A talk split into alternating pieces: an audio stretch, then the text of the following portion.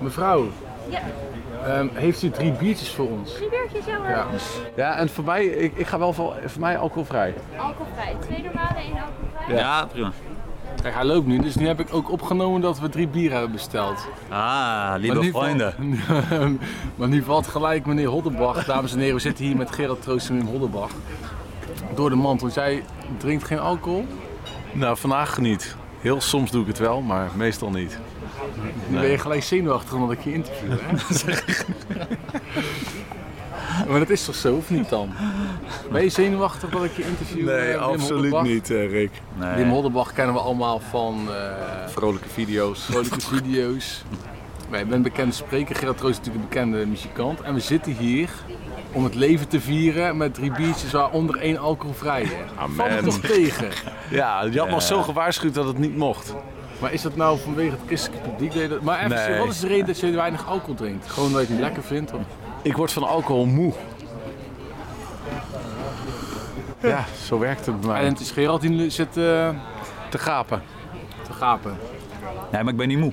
Ik ben een scherp. Ik heb lekker geslapen vannacht en eh, ik voel dat een biertje nu juist wel lekker kan vallen. Ja? Maar soms kan het bij mij ook verkeerd vallen, ja. En Wim zit nu Heb je blijkbaar een in. kwade dronk, eh, Gerald? Nee hoor, nee. Ik ben Nee? altijd goed gemutst. Maar vinden jullie dat makkelijk te combineren, alcohol en christen zijn? Jullie zijn ook professioneel christen. En weinig wijn is goed voor de maag, hè? Nee, maar eh, een beetje met maat is prima. Nou, gisteravond sprak ik in een kerk, in een PKN. En eh, toen kreeg ik aan het einde, en ik had gesproken onder andere over... wordt niet vervuld van wijn, maar wordt vervuld van de Heilige Geest. En toen aan het einde kwam de ouderling naar me toe en wat gaf hij mij? een grote Dus, fles ja, wijn. Ja, alcoholvrij. Die Ja, is voor meneer Hoddenbach. Oh, een mooi flesje eromheen. Ik hoop niet dat ik stoor trouwens. Nee hoor, Nee, joh. hoor. Nee. Zo'n Kun je altijd nog knippen en plakken. Het wordt wel opgenomen, maar dat is juist, het houdt het spontaan. Kijk eens, proost. Ik wil graag een toast uitbrengen. Een toast op troost. Toast. Een toast op troost en een toast op Hoddenbach. Dat eh, onze journalistieke vriendschap, en die ook op bepaalde vlakken verder gaat dan dat natuurlijk, maar Zeker. dat kunnen we niet zeggen nu op tape, ehm, dat die maar bekrachtigd en verheerlijkt mag worden. En langdurig mag zijn. En langdurig en duurzaam. Bestendig. Mooi. Bestendig. Dat we geen rare dingen over Gerard Troost schrijven. Zo zijn jullie toch wel, hè? Meer. ja. Hey, maar even voor de achtergrond. Jullie wonen tegenwoordig bij elkaar om de hoek. Ja. Jullie zijn ook in sinds korte wijkje. tijd eh, vrienden. Toch? Ja, dat, ja, wat mij betreft wel. Ja, wat Wim ervan vindt, dat moet je hem vragen. ja, wat mij betreft ook.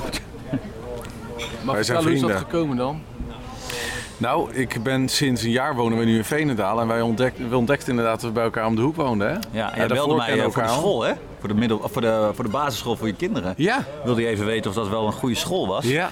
En daarvoor hadden we elkaar wel eens ontmoet. We hebben wel eens wat samenwerkingjes eh, getracht aan te gaan. Ja. En eh, we elkaar wel eens ontmoet op eh, muziekfestivals. Gerald heeft een keer gevraagd of ik mee wilde schrijven aan een lied. Dat ja? weet ik nog, ja. Ja? Toen stuurde je... Nee, toen stuurde je een lied op met een, een soort tapeje. Met, eh, Of voor de koning. met muziek. Ja. En dat was dan van... Na, na, na, na, na, na, na, voor de koning. Als er maar een gimmick in zit. Voor de koning, voor u alleen.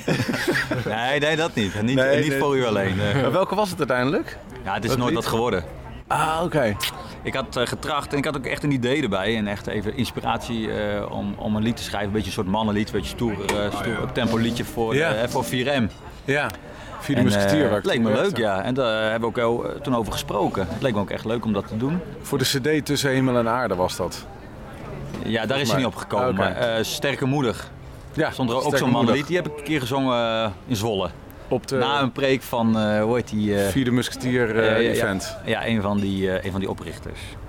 Maar goed, om een lang verhaal kort te maken. hij kwam dus ehm, bij ons in het wijkje wonen en wilde even weten of de school, de basisschool, wel deugde. En toen hebben we daar even een gesprekje over Ja. gehad. En ja, toen zijn ze, hebben jullie een keer uitgenodigd. Ja, zijn we bij Op jullie geweest? avond. Ja. Een traditie in Veenendaal. Met chocomel en slagroom. Een slagroom. Lampigietse avond. Echt een typische Veenendaalse traditie. En daarna hebben we ook een paar keer afgesproken. En, eh, Rick kijkt ons nu stom verbaasd aan. Ja, nee, dat ken ik allemaal niet. Want Rick komt uit eh, ik drink ook een slokje van mijn koffie. Ik doe, ik doe het gewoon door elkaar mixen. Ja, het is Ja, goed. een echt- Espresso en Echte genotsmiddelen, man.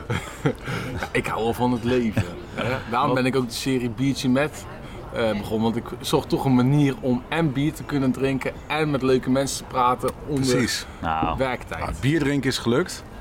Ja, leuke mensen veel- ook. Ja.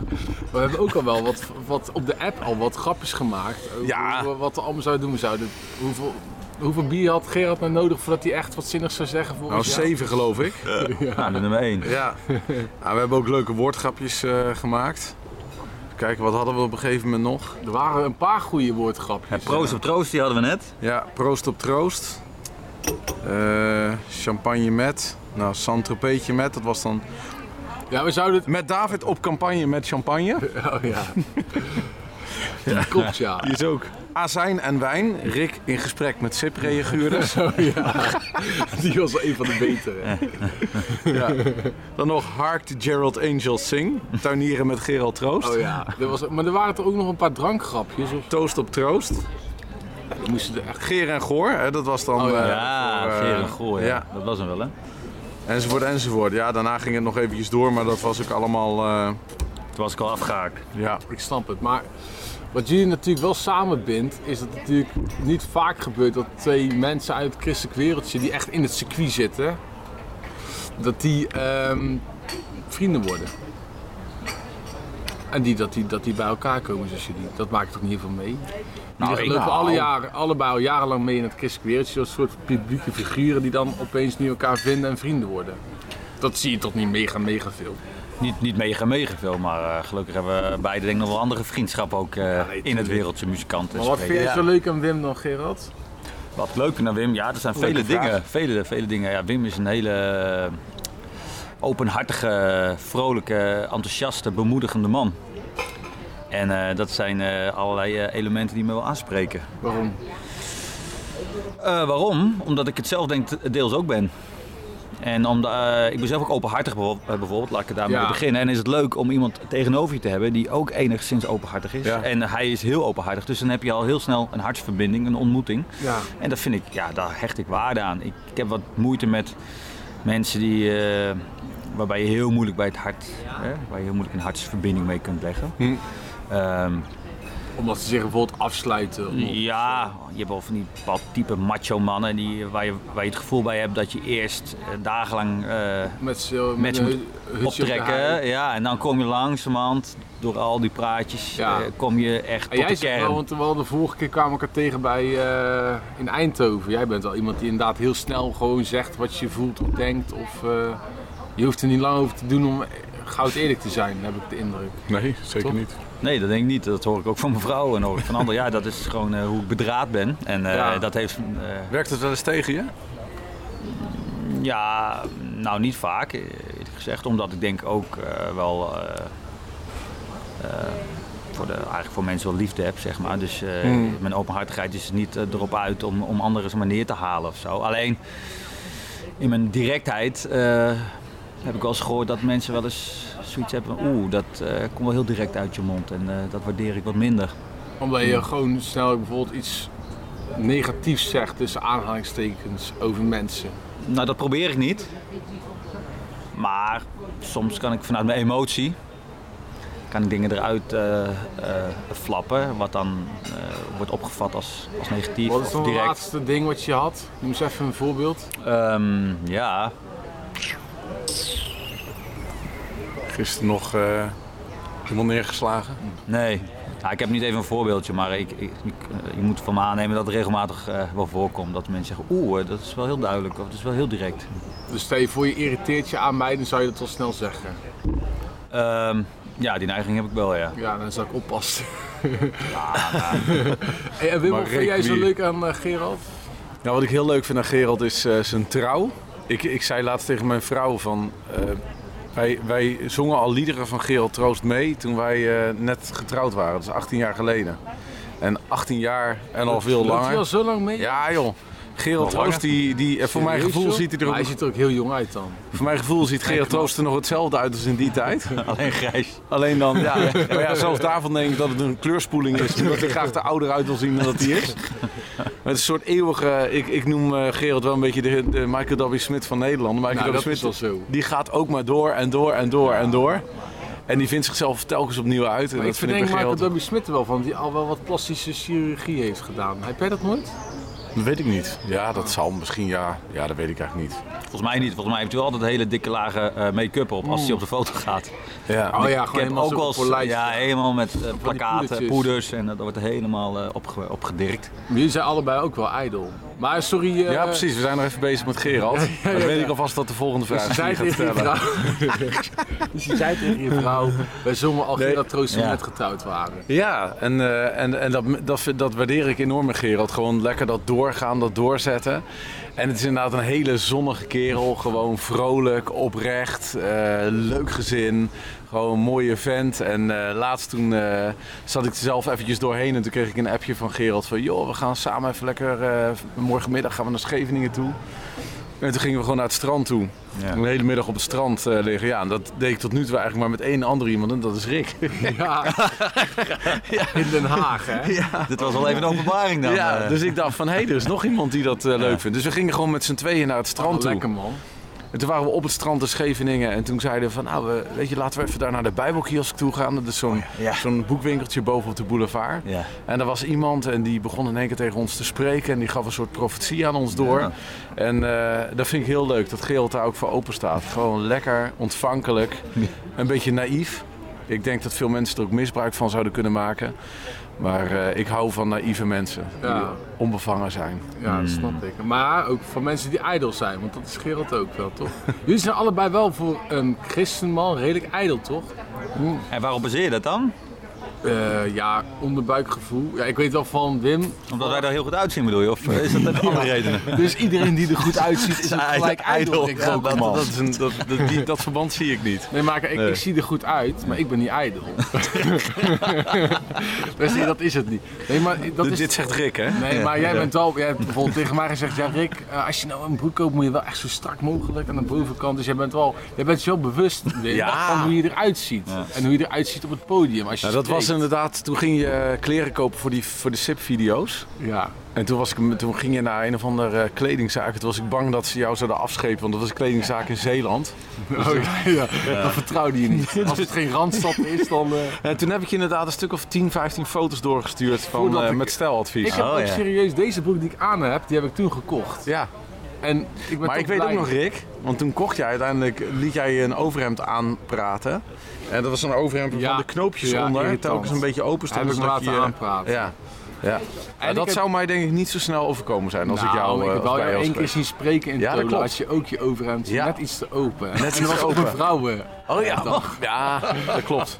En ik weet niet, toen, Toen kwam je ook naar me toe inderdaad, met En ik vond het opvallend dat je daarna bent gaan bidden en vasten. Dat vond ik opvallend. Oh, Hij zoekt een manier gewoon zijn overhemd weer gewoon normaal dicht te doen. Mm.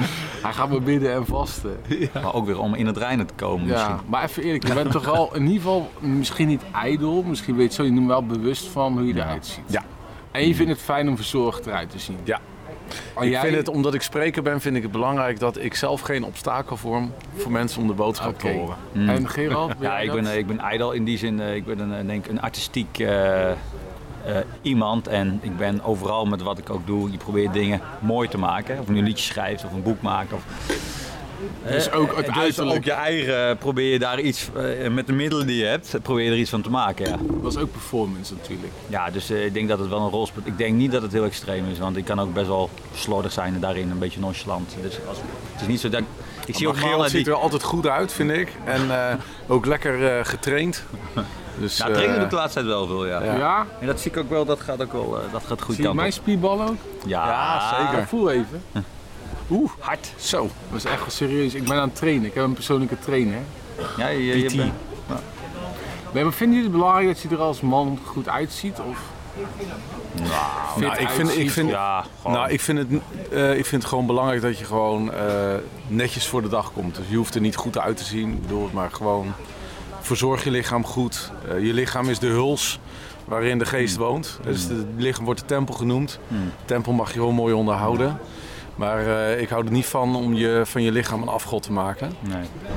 Gewoon, Ja. Ben je Ja. mee eens?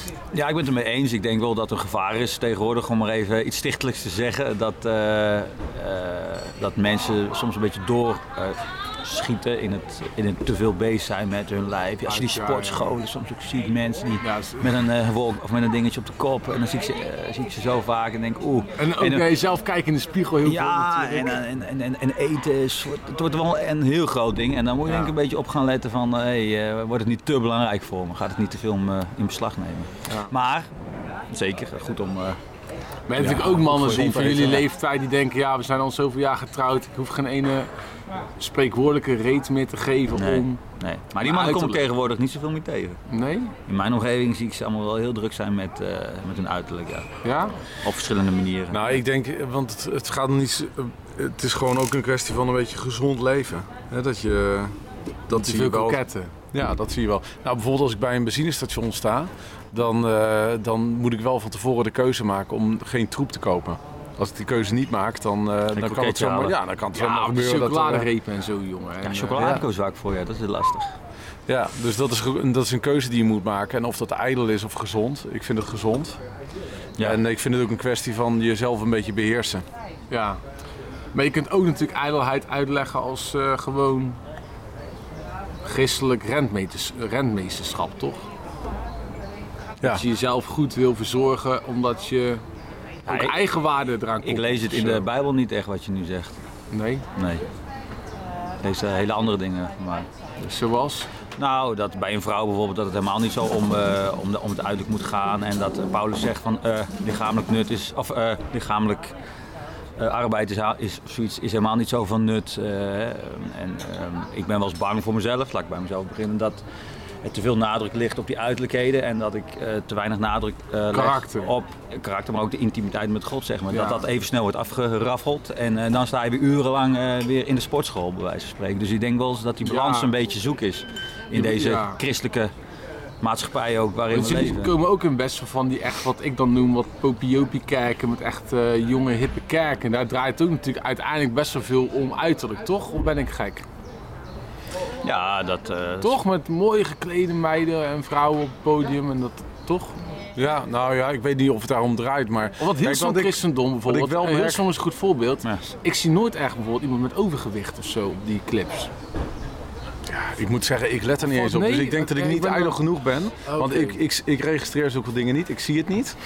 Maar wat ik wel belangrijk vind, als ik zelf het podium op ga, dan kijk ik gewoon even, zit mijn jasje goed? Mm. Zit het allemaal goed? Ik vind het gewoon belangrijk dat het er netjes uitziet. Dat vind ik belangrijk. En, eh, en ik vind het belangrijk om gewoon gezond en gedisciplineerd te leven. En, eh, maar ik, eh, ik steek veel meer uren in gewoon alleen zijn met God dan dat ik in de sportschool ben. Nou, dat is dus, mooi. Maar vind je het niet ik. waar dat het, dat het een gevaar kan zijn in deze tijd dat mensen te veel met die uiterlijkheden bezig zijn? Ook zo'n christen. Ja, nou weet je, als ik bijvoorbeeld in de. eh, ik spreek natuurlijk veel in de evangelische wereld. Ja. En, eh, maar ook wel in de PKN en in andere kerken. En daar zie je dominees met hele mooi gekleurde toga's en van alles en nog wat. En bloemetjes en dingetjes. En eh, alles mooi verzorgd. En eh, dat is ook een bepaalde vorm van uiterlijke. Ja, weet je, God gebruikt ook je zintuigen. Hmm. Om, eh, om- om, om zichzelf kenbaar te maken. Dus dat is ook voor wat het oog ziet. Hmm. Hè, als je een schilderij maakt, dan maak je een schilderij mooi. Ja, Maar als je jezelf eh, aankleedt, s ochtends naar de kerk. Ja, ik weet nog vroeger, wij gingen vroeger wel de zondagse kleren en dan gingen we naar de kerk. Hmm. Maar er was niemand die zei dat het om uiterlijkheden draaide. Het was gewoon leuk, mooi. hè, Je, maar- presenteren voor God. Ja, nee, dat, bedoel- eh, dat, dat begrijp ik. Maar ik bedoel meer in de algemeenheid, zeg maar. Hè? Van hoe we ons leven indelen. Hoe we, hè, hoe we de tijd investeren in of uiterlijkheden of Ja. tijd met God. Dat het ja wel eens, als je eh, bij wijze van spreken een statistiekblaadje zou hebben. Bij tijd waarop, waarin mensen bezig zijn met echt de Bijbel of eh, bidden of wat dan ook. intimiteit met God en ja, met, met, of, met spreken. eh, ja, of met sport. Want natuurlijk zul je heel veel Instagram meisjes hebben die natuurlijk logischerwijs Hmm. meer tijd zijn. eh, meer tijd bezig zijn met sporten en met green happiness en dat soort dingen. Ja, en, en wat je dan hebt tegenwoordig is dat heel veel mensen, eh, ook al lijkt het niet eh, in de media, maar heel veel mensen zijn daarachter zijn ze down en Ja. voelen zich niet lekker, depressief. Die, die, die, die, die, dingen die stijgen, weet je wel. Dus eh, er zit heel veel leegte achter. Ja. Daar zit ik wel eens over na te denken. Maar ik wil het niet een te zwaar gesprek maken. Maar Nou, ik had, omdat dat er zoveel nadruk en omdat die lat zo hoog ligt. Hè, iedereen die, die, moet, die moet er fantastisch uitzien. Hè? Ja. Op Instagram dan zie je de mooiste dingetjes langskomen. En jij gaat denken, verdorie. Ik zie er helemaal niet zo goed uit. Eh, Ja, dat dacht ik, net nog. Ik ben trouwens met ik vond hem eh, minderwaardig. Gilbert op de foto geweest. En toen dacht ik ook van, oh je hoofd glimt. Want ik ben natuurlijk verbrand. Gilbert Terra. Ja, leuke Ja. gast hè. Gisteren Ja. nog. eh, Heel leuk. Ja, je krijgt een goed, jullie allebei trouwens. Ja. Maar ik kijk dan uh, glimt mijn hoofd zo, omdat ik dus zo eh, verbrand ben. Oh ja, ja, ja. Geweldige ja. kerel, ja. Ja. Mag hem ontzettend vragen. leuke gasten. Maar en, wat Nee, is maar nou... als ik... ehm, ehm, eh, ehm, nee. Ja. Nee, ga maar verder. eh, Hey, wat is nou de gemeenschappelijke factor van jullie vriendschap? Onze liefde voor God natuurlijk. Ja, Ja, maar dat is een waar. inkoppertje. Maar is dat echt zo? Of is het inkoppertje? Ja, dat is denk ik wel echt zo wat mij Ja, ik denk liefde voor eh, God, optimisme, Ja. eh, doorzetten. eh, Ondernemerschap. Ik vind, ja, ondernemerschap. Ik vind gewoon, dat je, we zijn alle twee denk ik heel liefdevol. We houden echt heel veel van mensen. Dat is echt wel iets bijzonders. Ik voel eh, dat merk. ook niet. Ja, je voelt dat herg ik. Ja, Ja, jongen. nee, maar dat is denk ik wel We zijn heel ja. zegenende mensen toe. We Ik zijn denk mensen, dat we- mensen. Ja. We zijn niet alleen maar bezig met eh, knallen en het moet meer resultaten. Nee, we, we zien ook echt de Ja. mens, de mens, weet je. Tenminste, dat proef Ja. ik bij Wim en dat proef ik denk ik ook bij mezelf. Nou, ik vind dat eh, Gerald altijd het belang van de anderen zoekt. Ja. Dat, eh, de- en dat probeer ik zelf ook te doen. Dus je hebt mensen die maken misbruik van anderen of die gebruiken anderen. Nou, dat heb ik bij jou niet het idee dat je dat doet. En dat, dat is in over iets wat ik zelf ook niet wil. Dus eh, ja, dat... eh, Oké. En jullie hebben allebei gekozen voor een eh, leven in het, ja, wat ik doe, noem het christelijk wereldje. Dus jullie, Ja. eh, nou bijvoorbeeld Wim die leeft van, feitelijk die moet ook gewoon betaald worden. Onder andere van inkomsten uit spreekbeurten. Jij Gerard leeft van inkomsten Muziek. uit Ja. muziek. Ja. Is dat leven nou makkelijk? Nee. Waarom niet? Dat zeg je heel resoluut. Ja. Nou, omdat het... ehm, je, je, zegt het al, hè, van het christelijke wereldje en je leeft van inkomsten uit. Dus het- wordt dan toch een beetje soms gezien door mensen als eh, van ja, je, je teert op het woord van God. Of je teert op wat mensen geven. Of je, je leeft van de geef. Hè, zo wordt het soms. En eh, als ik bijvoorbeeld kijk naar een spreekbeurt, daar, daar steek je zo'n, eh, nou, zo'n, als je echt een spreekbeurt van tevoren, een preekbeurt voorbereidt, zeg maar, dan spreek je zo'n 12, 13 uur in. Je rijdt er naartoe, je staat vroeg op, je rijdt er naartoe. Op zondag verlaat je je gezin. Eh, je komt pas eh, laat in de middag kom je weer terug. En eh, nou, in het normale leven zou je zeggen zondag werk wordt dubbel betaald. Dat is natuurlijk allemaal niet zo. 100 procent. Maar je steekt dus, je steekt dus in, een, in een preekbeurt steek je zo'n 20 uur. En wat krijg je ervoor? Nou, als je geluk hebt, 200 euro. En daar draag je de helft van naar de Ja. belasting af. Ja, en vaak nog minder, hè? dat Ja. wil ik. Want, eh, 150 is ook heel normaal. En soms is eh 90 euro, hè? Ja. Ik ken eh, 80, 90. Dus je maakt, het, het, wat, wat me is opgevallen, vroeger werkte ik in de politiek. En dan was het gewoon van je, je, de uren die je draaide, die, daar kreeg je voor betaald. En nu draai je veel meer uren, dus 60, 70, 80 uur per Voor de week. helft van het geld minimaal. Voor de helft Ja. van het geld, ja. En dat is prima. Maar het is dus wel, ehm, ik, denk, ik denk dat kerken zich daar niet altijd van bewust zijn. Nee. Ja. Ik denk dat, eh, dat Want veel en als mensen... artiest is het dan makkelijker, denk je? Als Ik denk het wel, ja. Ik denk dat je als zanger eh, en liedjeschrijver iets, eh, iets meer eh, eh, gemiddeld gezien eh, ontvangt. Waardoor het iets makkelijker wordt om er ook van rond te komen. Ehm, ja. Dus eh, nogmaals, als artiest, hè, als zanger liedjeschrijver kun je iets meer vragen. Ja, zo, zo gaat het denk ik Ja. eenmaal. Dan krijg je geen 150 euro als je een hele avond komt optreden. Dat is gewoon wat meer. Ja. Het hele Ehm. ding is dat, dat, dat dit, dit hele klimaat van eh, eigenlijk onderbetaalde christelijke mensen, dat bestaat al zolang ik CIP doet, doe. Maar zo, Ja, maar ik- maar- ja, maar zo ervaar ik het niet. Hè, ik wel Oh, je zit niet onderbetaald? Nee, ik heb gewoon een prima leven. Ik kan er goed van leven. Eh, maar ik kan me heel goed voorstellen voor Wim, eh, als je, hè, dat het anders is als spreker, weet je. Omdat Nou ja, maar ik, ik, vind het, ik probeer het eerder omgekeerd te zien. Van, eh, ik vind het een voorrecht, ik vind het iets heel bijzonders dat je dit gewoon fulltime kunt doen. En normaal zou je gewoon, vroeger had ik gewoon een baan naast het spreken. En dan, Ja. werkte ik gewoon de hele week. Ja. En in de avonduren bereidde ik preken voor. En op zaterdag en zondag ging ik dan weer op stap. Ja. Dus mij hoor je niet klagen. Ik, ben, ik heb de leukste baan van Nederland. Ik ben er hartstikke blij mee. Alleen ja, je merkt wel dat mensen vaak de neiging hebben om te denken van je leeft van het christelijke wereldje. Ja, en dus is dat Terwijl het in werkelijk meer offers brengen is dan dat je ja, dingen ja, ook... Heb jij dat eh, ook? Eh, ja, soms breng ik die offers ook, doe ik dingen voor niks. Alleen eerlijk is eerlijk, eh, soms verdien ik ook gewoon er prima aan. Als ik een, een, eh, ergens een avond doe met een optreden. En, Ja. ik, en ik verzorg het geluid en ik verzorg dit, ik verzorg dat. eh, dan is het op zich goed. Eh, maar, dus nogmaals, ik denk dat het ja, voor een spreker ietsjes, in- ietsjes ingewikkelder is. Ja, nou, ik ben wel Maar blij dat jij ze- leeft ook van het eh, christelijke wereld. Ja, maar ik heb het heel slim in een commercieel bedrijf gegoten. Dus ik heb meer het, ad- het adagium van, kijk, een, bakker die verdient, die verdient zijn geld met brood verkopen. En dat doet hij, wil hij zo goed mogelijk doen. En dan wil hij ook zoveel mogelijk winst opmaken. En ik zie dat niet als verkeerd. Dus als je een mediabedrijf bent, of het nou seculier of christelijk is, Ja. denk ik dat het gewoon heel goed is om een heel commercieel eigenlijk Ja. eh, bedrijf te hebben. En iets Ja. te hebben van, hey, meer geld is meer impact. En jij kan ons weer nu een dinertje aanbieden. Ja, bijvoorbeeld. En dan kan ik jullie eh, chips, en die staat tape. Maar het, dan gaan mijn C-plus-leden klagen misschien. Nee, maar die gunnen jullie dat natuurlijk. Ja, precies. Nee, maar wie gunt jullie dat nou niet zo'n mooi diner? We gaan ook bij Van Nee, der Valk ook niet eh, één ster of twee of drie sterren. Gewoon bescheiden. Van der Valk. Zie je vijf sterren. Nee, Nou, maar als ik je bedoel, kijkt dus naar, ik vind dat eh, commercieel denken, dat vind ik eigenlijk ook vind ik heel fijn. Want ik kan gewoon zeggen, jongens, ik heb gewoon een website. En er met artikelen mag gewoon voor betalen. Dus als je ook voor een brood betaalt bij de bakker, dan mag ik daar alsjeblieft gewoon 5 euro per maand voor betalen, eh, vragen. Ja. En ja, alleen dat is natuurlijk iets moeilijker, denk ik, nog eh, voor jullie. Eh Gerald heeft het dan iets makkelijker inderdaad, denk ik dan Wim. Want die heeft ook nog muziek. En muziek Ja, en, betalen mensen ook makkelijk voor. Soort, nou, niet makkelijk, dat wil ik niet zeggen, maar ook wat sneller dan, dan wanneer Wim kon spreken. Want dan kan je ook bij wijze van spreken gewoon een jongen uit de kerk trekken, bij wijze van spreken. nou, Wim, Die het gratis doet. Die doet het dan nog lang niet zo goed als Wim. Die doet het nog lo- zo lang niet zo goed als Wim. Nee, maar mij, maar hoor je niet klagen. Ik vind het echt heel mooi en bijzonder dat ik dit kan doen. En ehm, ik, eh, wij, als, als gezin leven gewoon eh, eenvoudig. Het gaat gewoon goed. Ik heb een auto die op gas rijdt, dus dat is ook allemaal wat goedkoper. En ehm, mijn vrouw is helemaal niet ijdel. Ik zelf, ik, ik, wij, kopen, we houden niet van kleren kopen bijvoorbeeld. Dus we, we, we besteden weinig. Ja. Ik, ik heb laatst even zo'n onderzoekje gedaan van Nu- Nibud. Hè, dat je gewoon even je eigen uitgaven naast Nibud legt.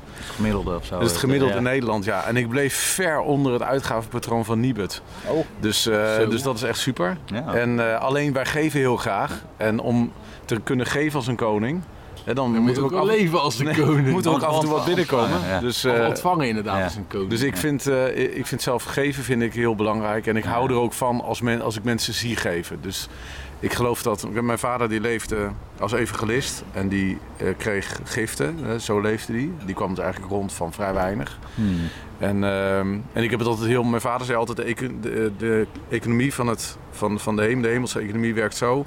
Ergens is iemand die geeft. En ergens is iemand die ontvangt. En degene die ontvangt... Dat is ook degene die weer geeft. En zo houden Ja, we elkaar eigenlijk Een in stand. economie, een soort Ja. cirkel. Een soort Mm. cirkel. Alleen als het ergens stopt, dus als iemand niet wil ontvangen of als iemand stopt met geven, Ja, stop, ja. dan gaat er ook iets mis. Kink in de kabel. Ja. Ja. Hey, en ehm, wat vind je dan het leukste aan jouw werk bijvoorbeeld, Gerald? Nou, ik heb echt fantastisch werk. eh, het is Wat is het leukste? de vrijheid. Eigenlijk gewoon het ZZP zijn. Het, vrijheid, eh, het zijn. vrijheidsgehalte, daar geniet ik enorm van. Oh, lekker. En ehm, het, het, het, het artistieke erin, hè, dat je nieuwe dingen mag maken en scheppen, wat anderen weer gaat inspireren. Dat is fantastisch. En eh, het ontmoeten van mensen, wat je natuurlijk elke week weer. Ja, je ontmoet steeds weer nieuwe mensen. Dat is fantastisch. En wat heel mooi is, en dat is natuurlijk niet in elk vak even gemakkelijk, je kunt heel duidelijk je geloof eh, erin verweven. Dat is een rode draad Ja. door mijn muziek en de dingen die ik doe.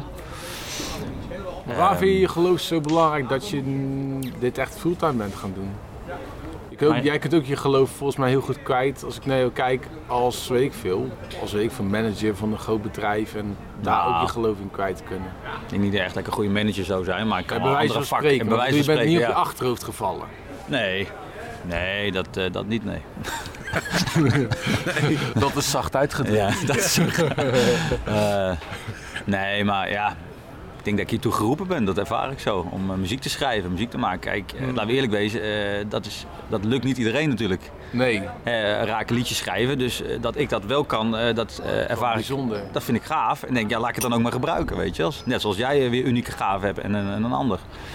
Ehm, ja, kijk, een manager zijn of, of weet ik wat, dat kan bijna iedereen bij wijze van spreken. Hè?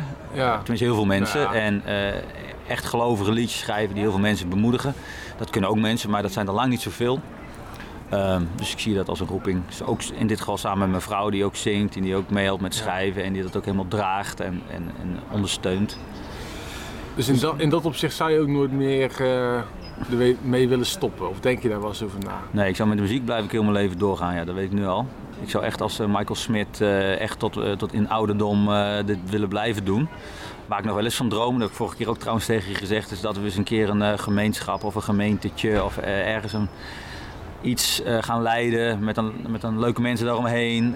waarin je echt ook vanuit de muziek, maar ook vanuit inspiratie en sprekers en reizen, misschien naar Israël of naar andere delen. Dat we, Israël, eh, ja, weet je, dat we kunnen uitdelen en, en echt een stuk genezing kunnen brengen van hart eh, en herstel en inspiratie. Nou, Want dat is wel frappant, dat, dat woordje herstel, dat valt wel echt veel bij jou.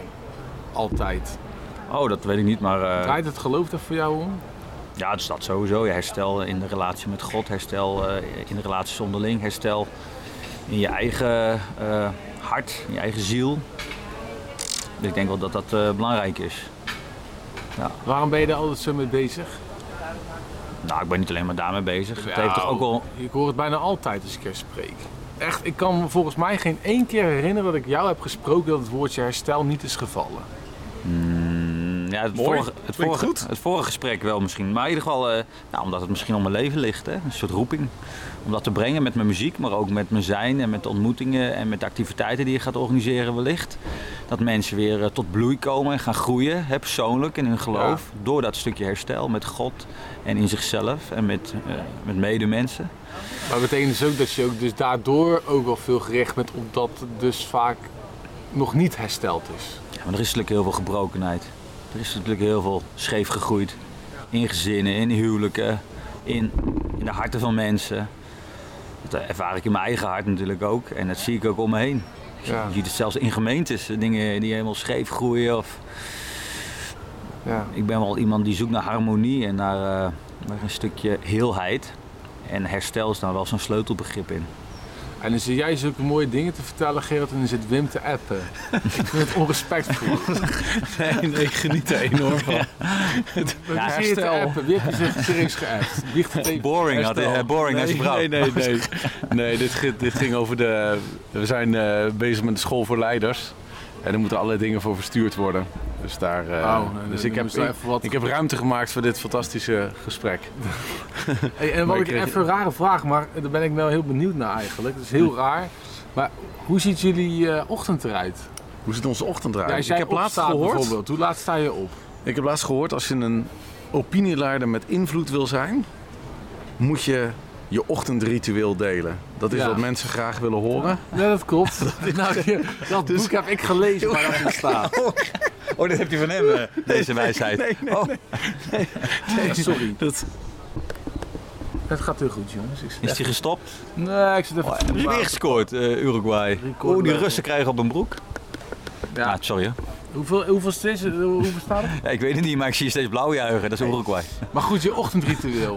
Nee, even, daar ben ik benieuwd naar. ja. Mag ik even kijken? Nou, mijn, eh, mijn Oh, ochtendritueel is... Ik heb, ik heb één regel voor mezelf. En dat is dat ik niet eh, als eerste de telefoon bekijk. Maar dat ik als eerste God bedank. Dus ik neem altijd een paar minuten de tijd. Als ik, dus zodra ik wakker word, dan dwing ik mezelf. Dat eh, help ik mezelf. Om altijd meteen op God gericht te zijn. En daarna geef ik een zoen aan mijn vrouw. Mm. Dus dat is een beetje, de, dus dat is heel, dat is op microniveau. Is dat mijn ochtendritueel. En ehm, daarna ga ik eh, voor de kinderen zorgen. Dan Boterham. boterhammen klaarmaken, een beetje zo eh, beneden zijn voor de kinderen. Als het lukt, want soms moet ik gewoon heel vroeg weg ook. En ehm, daarna ga ik eh, wandelen, dat is wat ik, wat ik veel doe. Of ik, we nemen, elke dag nemen we altijd even een kwartiertje om samen Bijbel te lezen. Dat doen we hardop. Dus dan, Gewoon wanneer het eh, uitkomt of echt gepland? nou, we proberen dat wel 's ochtends te doen. Henk Binnendijk die zei laatst eh, van... eh, als je als mens nog niet eens even een kwartiertje je Bijbel kunt lezen. Dus hij, hij, legde, hij bepaalde me erbij hoe belangrijk het is om echt naar de bron toe te gaan. Zei die op niet- volgens mij. Nee, dit zei hij in een preek in de Baptistengemeente in Ja. Veenendaal. Ik heb ook hij zei het eerst bij Ja. ons. Hij zit eerst bij jullie. Ja, interesseert me eigenlijk niet. Dat boeit me niet. Als hij het ook gezegd heeft, dan wil ik graag elke sippenlezer van harte uitnodigen om de wijze raad van Henk Binnendijk te volgen. En, ehm, maar ik heb niet een ochtendritueel dat elke dag hetzelfde is. Ja, dit is dus elke dag hetzelfde. Maar daarnaast heb ik door de week probeer ik altijd een paar uur te plannen. Dat ik gewoon door de dag heen af en toe eens even kan wandelen. Of, en dat wil ik eigenlijk ook iedereen ook wel eh, aanraden. Daar praat ik ook veel over. Om gewoon tussen je werk door gewoon lekker even de tijd te nemen om te ontspannen. Ja. Ik moest laatst spreken voor CBMC, de grote ondernemersbijeenkomst. En eh, toen gingen die ondernemers allemaal in groepjes uiteen. Hè. Dan gaan ze praten over allerlei dingen, vragen. En ik zat toen even alleen. En toen dacht ik, ik leg mijn telefoon, laat ik even achter in mijn tas boven. En ik ga gewoon even op een stoel zitten. En dan heb ik anderhalf uur alleen maar gezeten. Gewoon niks zitten doen. Nou, dat was een openbaring voor me, hoe krachtig dat was. Waarom? Ik zat gewoon naar het, naar het plafond te kijken. Het, was, in het eerste half uur vond ik het een beetje nutteloos. Maar gaandeweg kwamen er allerlei gedachten bij me binnen. Kon ik weer dingen gaan verbinden met elkaar. Ze zeggen ook dat als je juist niks doet, dat, dan, dat het het beste is voor je creativiteit. hè? Ja, nou dat merkte ik toen ook wel. Dat heb ik ook een boek over gelezen, ja. Ja? Ja. En wat er ook gebeurde, en dan mag jij je boek. Maar Nee, nee, nee. nou, wat ook gebeurde was, er kwam een van die ondernemers, die had me zien zitten. En die kwam naar me toe en die zei van, ik zie je nu al anderhalf uur, zie ik je niks doen. En ik wil graag een probleem aan je voorleggen. Want dus die kreeg, dus dat is ook een bij- mooie bijvangst. Oh, ik kreeg de indruk dat ik een heel wijs iemand was, doordat ik anderhalf uur lang... eens een keer je mond hield in plaats van alleen maar te preken. Ja, ja precies. Dat moet een verademing zijn. Dat was een verademing voor mezelf. Misschien is het idee de om je keer te laten inhuren. Je wordt toch slecht betaald. Als je gewoon een half uur niks zegt. Ik zie de kop alweer staan. Anderhalf uur niks. Rick de Klik, de kop. Wim verdient te weinig. Nee, dat is niet zo. Nee. Wim is een tevreden mens. Dat mag je opschrijven. En wel, hoe verandert jouw, eh, of is jouw eh, ochtendritueel anders dan die van Wim? Ben je ook zo iemand die dan iets geks doet als, eh, ik vind het ook mooi hoor, maar het is natuurlijk wel iets opmerkelijks. Dat je eerst God bedankt en dan je vrouw een kus geeft en dan pas uit je bed gaat. Doe je ook zoiets? Nee, eigenlijk niet. Nee, gewoon normaal. Nee, nou, nou niet meehuilen met de wolf in het bos, Geel. Nee, nee ik, eh, ik ben s'morgens best wel druk met mijn, eh, met mijn jongste. Die komt al kwart over zeven altijd aan het bed staan Oh, eh, ja. te trekken en die wil een broodje eten. Dus die gaat een broodje smeren. Ook voor de rest van de kinderen. En dan breng je ze naar school om kwart over acht. En om half van half negen, ah, dat doe ik wel altijd standaard half negen tot een uur of negen. Heb ik wel gewoon even een moment boven op mijn studeerkamer. En dan eh, lees ik een stukje uit een bijbelboek. Eh Marcus ben ik nu helemaal doorlezen, want ik ben nu Ah, bijna aan het eind. En dan lees ik een hoofdstuk. En dan denk ik erover en dan heb ik een lijstje boven, de, dat kun je ook gewoon zien, een lijstje met mijn huwelijk, reinheid. Eh ehm, nou, allerlei eh, dingen eh, waar ik eh, druk mee ben. vindt. Ja, nieuwe, nieuwe liedjes of En mensen in nood. en die ga ik dan allemaal langs gewoon.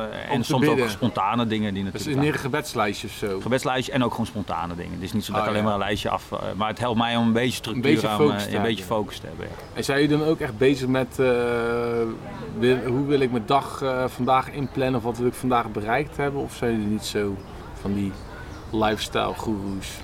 Nou, dat doe ik soms, maar eh, dat uh, Kijk verschilt je zo- meer wat de dag je brengt of zo? Nee, ik, ik denk altijd wel even na van wat ik wil gaan doen. Alleen, eh, ik heb fases in mijn leven waarin ik daar echt, eh, maak ik lijstjes en dit wil ik bereiken en dat wil ik bereiken. Dat heb ik de laatste tijd wel iets meer losgelaten.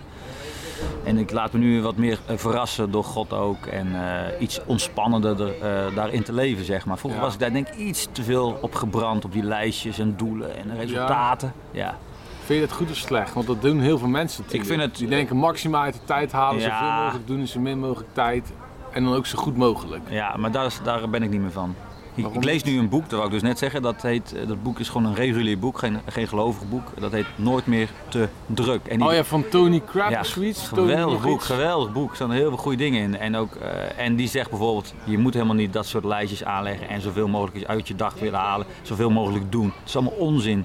Je moet juist zo min mogelijk doen, maar je moet met de juiste dingen eh, bezig zijn. bezig Dus zijn. kwaliteit En- boven kwantiteit. En aandachtig leven en daarvan genieten en zorgen dat je in een flow raakt en dat je daarin Ja. echt, je kunt onderscheiden in plaats van zoveel mogelijk prikkels maar binnen te laten. Ja. Het maakt je gek, het maakt je ongelukkig en uiteindelijk denk je wat heb ik eigenlijk vredesnaam gedaan deze dag. Dus ik, ik, ik kan daar niet achter staan, achter die eh, filosofie. Ik heb zelf twee, eh, ehm, t- twee, twee soort basisregels voor mezelf. Dus, eh, ik, d- wel die regel dat ik eerst vervelende dingen, vervelende dingen Ja. eerst. Dat komt uit Getting Things Done. Hè? Dus je, Ja. moeilijke dingen, vervelende dingen doe je eerst. Oh ja, Dus ik begin- Frogs heet dat dan, hè? Daar heb ik een term voor. Ja, ja. Frogs. Eerst de kikkers opeten. Oh ja. De kwaak in je hoofd. Ja, Mm. ja, dus ik begin altijd 's ochtends. Eh, Dat is de eerste. Als ik, dus, als ik de computer eenmaal open, dan begin ik altijd eerst met een paar dingen waar ik geen zin in heb. Ja, ik- daarom krijg ik altijd mail van jou om 8 uur. Ja, precies. En, eh, en het Ja. tweede wat ik doe is dat ik, ik, ik wil werken in blokken. Dat heb ik mezelf ook aangeleerd. Oh, ja. Dus ik, Dus dus ik, multitasken. bedoel nee, dus ik ga niet Oh, multitasken. Dus dat ik moet werk absoluut niet doen. Ja, ik dat, werk in een blok van A naar B of van, van, van A naar D en dan van A naar Z. En dan, ehm, en dan wat ik de laatste tijd een beetje mee ben aan het oefenen om dan eh, bijvoorbeeld een wekkertje ernaast te zetten, zodat ik dat effectief doe. Oh ja, zo'n, Dus hoe heet dan- dat? Dat heet ook weer een woord. Ja, dat heet, heb ik ook ergens ehm, gelezen of geleerd. Pom, pomodoro, pomodoro timer of zo. Ja, zoiets. 50 minuten focus op Ja, één en ding. bam. zo. ja, 55 minuten. En Ja. dan moet je even een minuut of tien even gewoon je, je hersenen even helemaal rust Ah, geven. jongens, we hebben echt weer een gemeenschappelijke hobby. Time management. Ja. Nou, dat noem je anders tegenwoordig. Hoe dan? Omdat het, dat is... eh, Flow management. dat is echt van vroeger, eh, zeg maar, time management. Hoe heet het dan nu? Ja, flow management, eh, ik weet niet de exacte term, maar eh, het is niet meer time management. Dat is echt een achterhaald iets. Maar eh, ik, en dan spreek ik even, dit is Wim die hier spreekt. Die- ik, ik ben zeker geen voorbeeld in time management, dus dat is geen gezamenlijke hobby. Dat is iets- Ah, ik, ben, Ik heb ook in de wandelgangen gehoord dat jij heel vaak te laat bent voor ik dingen. ben struikelend ben ik op weg. de wandelgang. In de wandelgangen. Ja. Ja, die wandelgangen, daar kom ik niet, want daar ben ik dus te laat voor. Kijk, in die wandelgangen wordt gepraat over dit soort dingen. En als ze uitgepraat zijn, dan kom ik. Hebben het zo. kom Maar er daar is iets aan de hand, jongens. Eh, Er zijn twee problemen. A, mijn biertje is bijna op en ik moet even naar het toilet. Als jullie even rustig doorpraten, de recorder staat wel aan. Dus je moet niet, rare dingen gaan zeggen. We kunnen even pauze zetten. Nee, nee, je moet gewoon aanblijven. Want ik wil juist horen wat jullie nu gaan zeggen als ik weg ben. Daar Oké. draait het mij niet om. Zaak in scène gezet. Wil je nog wat drinken? Oké. Eh, nee, niet, niet per se. Nee. Dus een napje eten straks. Ja, Dat ja, gaan we maar doen, hè? eerst het gesprek afronden. Je moet niet te snel willen. Jij wil gelijk naar de tafel. Nee, nee hoor. Nee. We zijn pas 34 minuten Ik onderweg. heb alle tijd. Ik heb helemaal geen haast. Ik geniet er ook van. Leuke kerel trouwens. Die, eh, Nou, knapperd. mooi, mooi gevormd. Mooie koep. Bruine kop. Ah, hij verdient wel veel meer dan wij, hè? Gerard toch. Websites. Oh, oh. Ik ben er weer. Yes. Gerard is nou weg, maar die gaat ook even naar het toilet. Ja. Maar waar irriteer jij je nou aan bij hem? Wat is nou echt zo'n ding waarvan je... Als je irriteert aan hem, wat, wat is het dan? Ehm, nou, toen wij elkaar een tijd geleden tegenkwamen weer voor het eerst en wat langere tijd met elkaar spraken, toen eh, zei ik tegen eh, Gerald van eh, je bent met te veel dingen bezig. Met, hij was toen met coaching bezig, hij was aan het schrijven, hij was aan het spreken, hij was aan het muziek maken, hij deed allerlei dingen nog daarnaast. Huis van gebed, een soort community-achtig iets. En dat waren zoveel dingen dat ik dacht van ja, nu, als je nu liedjes schrijft, dan ga je te veel teren op wat je gewoon al deed en altijd ook al kon. Ja. Dus je moet of kiezen voor liedjes schrijven en dan compleet de creatieve hoek ingaan. Eh, of je moet erkennen dat liedjes maken gewoon een van de dingen is die je erbij doet. Ja, dus dat, dat is eigenlijk was iets van, hé hey, uh, gozet, focus even op wat je Kies echt voor je kracht. doen. Ja. En, eh, en in die periode heeft hij gesprekken gevoerd met allerlei verschillende mensen die dat ook, te- ook tegen hem gezegd Ah, ja. hebben. Dus hij is nu helemaal weer voor zijn eh liedjeschrijverij gegaan. Hoor ik. En wat is het nou Dus- bij jou, heb je ook zoiets? Dat je dus ook allerlei dingen kan, wat is jouw kracht? Nou, mijn, ehm, mijn zwakte is, eh, wat, daar hadden we het nu eigenlijk over. Hè? Van Ja. wat, wat is iets waar je jezelf eh, ook aan ergert bij jezelf? Mijn zwakte is dat ik, ehm, ik, ik heb veel, veel creativiteit in me, maar ik merk dat ik soms te afwachtend ben. Ook wat andere mensen van mij verwachten of dat ik ook Hoe bedoel je dat? Noem Nou, maak het even concreet. ik heb bijvoorbeeld uh, afgelopen jaar heb ik eigenlijk altijd gewerkt bij organisatie. Bij de Vierde Musketier, toen uh, Royal bij, bij Royal Mission. En daardoor ook heel en dat was ook een soort mantel voor mij waaronder ik kon werken. He, dus ik kon, kon daardoor mezelf zijn en dacht ik. En ik kon daardoor. Maar tegelijkertijd heb ik ook wel de afgelopen jaren gezien dat je soms ook een stap moet zetten gewoon in het wilde avontuur. En gewoon moet gaan voor de dingen die helemaal voor jou zijn gemaakt. Ja, dus je bent gemaakt op een heel specifieke manier. En, uh, maar je moet wel even die stap durven zetten. Dat, je echt ook weet, dit, dit wil ik, dit is voor mij weggelegd, deze kant moet Ja. ik op en daar dan ook voor overgaan, voor kiezen. In plaats van dat te doen, maar ook heel veel andere dingen. Ja, dus er zijn soms dingen die, eh, die, die doe je gewoon. Eh, eh, ik denk dat God heeft bepaalde dingen in je leven gebracht. En eh, waarvan je gewoon kunt zeggen van als niemand anders het doet, al ziet niemand het in me, ik doe het gewoon. Want ik ben ervoor Ja. gemaakt. Bam. En als je En dat nou... avontuurlijke zit wel in me, maar ik heb nooit echt die, die stap, die drive. En wat is voor jou, wat is dan het ding wat Wim Hoddenbach moet doen volgens hemzelf? Nou, twee dingen. in die gelegd is. Eh, twee dingen, dat is eh, inspireren eh, en ehm, eh, ja, wat ik dan noem herder zijn voor leiders. Dus ik, ik help ondernemers en leiders om krachtig te zijn. Ik ben geen coach, dus een coach heeft een plan. Die gaat van A naar Z. Maar ik ben een luisterend oor en ik ben er gewoon voor mensen. Ja. En het inspireren, wat is dat eigenlijk? Want kijk, dat eh, leeg zei woord. Gerard ook van... eh, ja, dat hij natuurlijk met zijn muziek mensen inspireren en bemoedigen. Jij zegt ook inspireren, jij doet dat met spreken. Maar wat, Spreken, ja. wat is inspireren dan eigenlijk? Wat is dat voor jullie? Nou, in inspireren zit het woord Spiritus. spiritus. Dus dat is altijd begeesterd. Dat is iets, iets krachtigs. Iets. Ik moest bijvoorbeeld laatst moest ik. eh, Geest doorgeven eigenlijk. Ja, Hè, Spiritus, Ja. dat is eigenlijk de geest doorgeven. Dus Ja. mensen iets, iets nieuws schenken vanuit de geest, ideeën, Frisheid. frisheid, Ja. nieuwe manieren, nieuwe frisheid. En is er een manier om dat te doen? Ja, je, zou- je zou natuurlijk zeggen muziek maken of spreken. Alleen wat zit daar dan achter? Open-minded zijn. Dus je, je openen voor, eh, allereerst voor de geest van God, maar jij was aan het, eh, in het woord. Nee, ja. Nee, ja, oké. nee, nee, Gerald, ik, ik hang aan Ik je lippen. ik hang Nee, aan ja. jouw lippen ook. Dan hangen krijg- twee man aan jouw Ja, lippen. ja. Dat is bij elkaar 180 kilo. Nou, Nee, maar even serieus. Wat, wat, wat is het dan? Dus dat is Ja. begeisteren. Open-minded zijn, hè? energie. 180, dat is gewoon twee keer 90 zo. Dan weeg jij heel Maar goed, het was, we gingen net de serieuze kant op. Dan weeg jij 100. Oké, ik weeg momenteel 90. Ah, Maar wat zit daar dan achter? inspireren. Ja, Ja, inspireren. Ik zei dus, eh, dat heeft volgens mij te maken ook met open-minded zijn. eh, je openstellen voor de geest. En vanuit die, datgene wat jij ontvangt. eh, en open-minded is niet alleen openstellen voor de geest, maar ook voor nieuwe ideeën, voor boeken, voor reizen. En alles wat je daarin eh, ontvangt, daarin ook anderen willen helpen, willen. eh, eigenlijk ben je dan alleen een doorgeefluik. Ja, als je dat, zelf ontvangt dan. maar dat zijn we allemaal uiteindelijk. Hè? Het Ja, dat voor- weet ik niet. Voor Nou ja, mij is... eh, is allemaal gegeven wat je, wat je ontvangt. Ja, oké. Nee, maar dat is wel grappig, want je denkt natuurlijk... eh, We moeten niet te- eigenlijk alles wat je dan geeft als artiest of als spreker... Dat is eigenlijk iets wat je niet zozeer zelf hebt gemaakt, maar wat je doorgeeft als het ware. Maar dat is ook eh, wat mensen eh, mens maakt. Kijk, God kan alleen eh, echt iets nieuws scheppen. Wij gebruiken alleen datgene wat er al is. En daar bouwen we weer iets nieuws mee.